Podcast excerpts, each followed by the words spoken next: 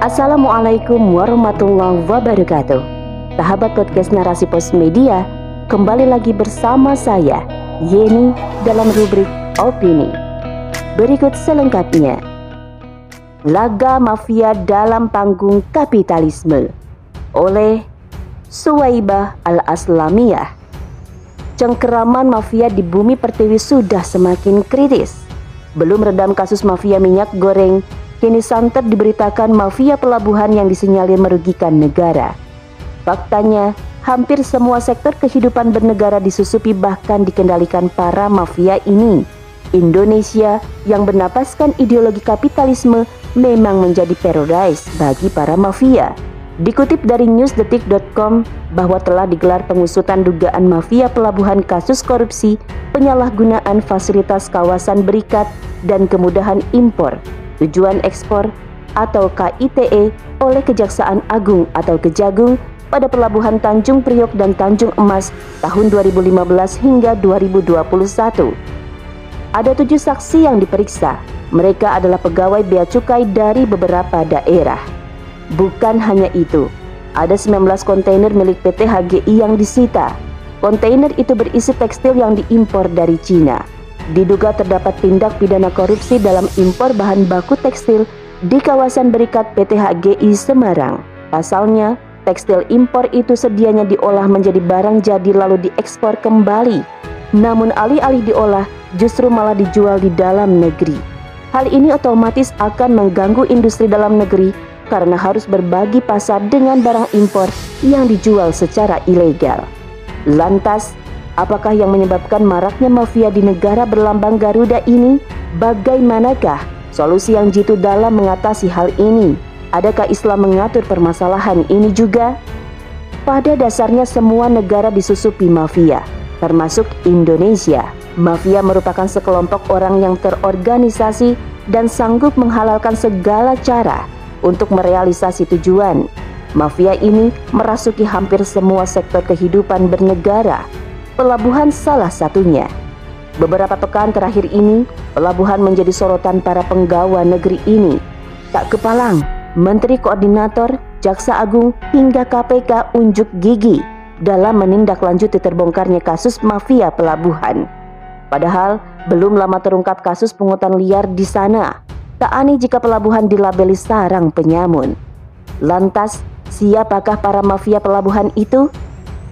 Ini sulit dijawab, sebab mafia itu seperti kentut, baunya terendus namun wujudnya tak tampak. Namun demikian, mafia pelabuhan sebenarnya berasal dari adanya praktik sawer kekuasaan atau power sharing. Tak diragukan, pelabuhan merupakan tambang emas yang sangat memesona. Sebab nominal perputaran uang di sana begitu fantastis. Hal tersebut mengundang banyak pihak untuk mengantongi cuan sebanyak-banyaknya.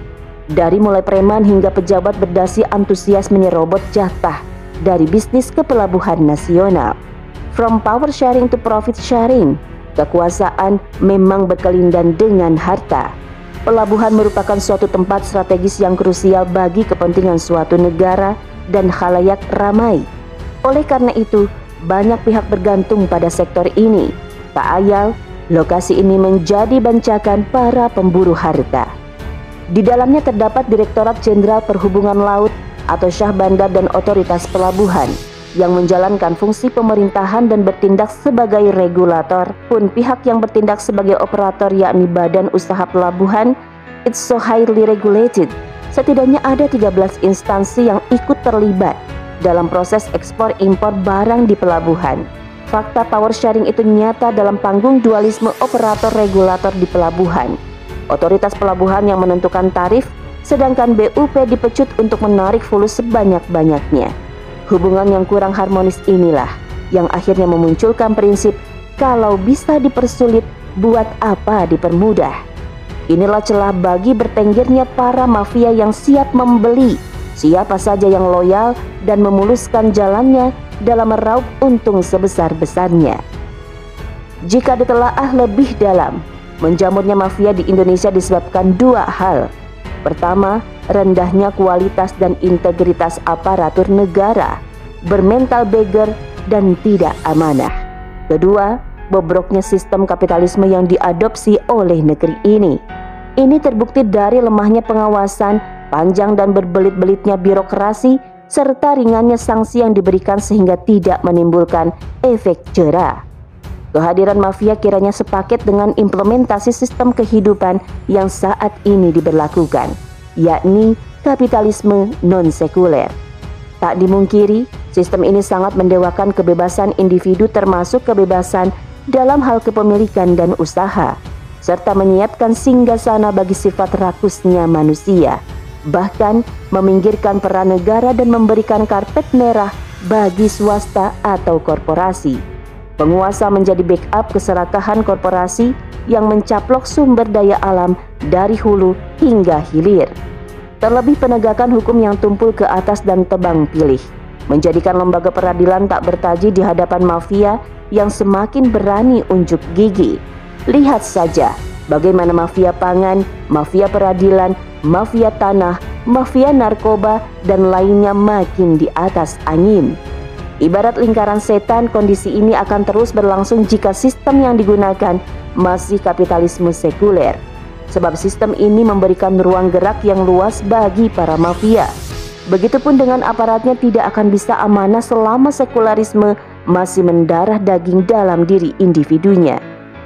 Islam bukan hanya din atau agama, tetapi juga mabda atau ideologi. Sebab akidahnya memancarkan aturan yang sempurna dan menyeluruh dalam menyolusikan berbagai problematik. Dalam pandangan Islam, mafia itu merupakan penyakit yang akan menggerogoti kedaulatan suatu negara. Oleh karena itu, bahaya sekali jika para mafia dibiarkan bebas berkeliaran tanpa tindakan dan sanksi yang tegas.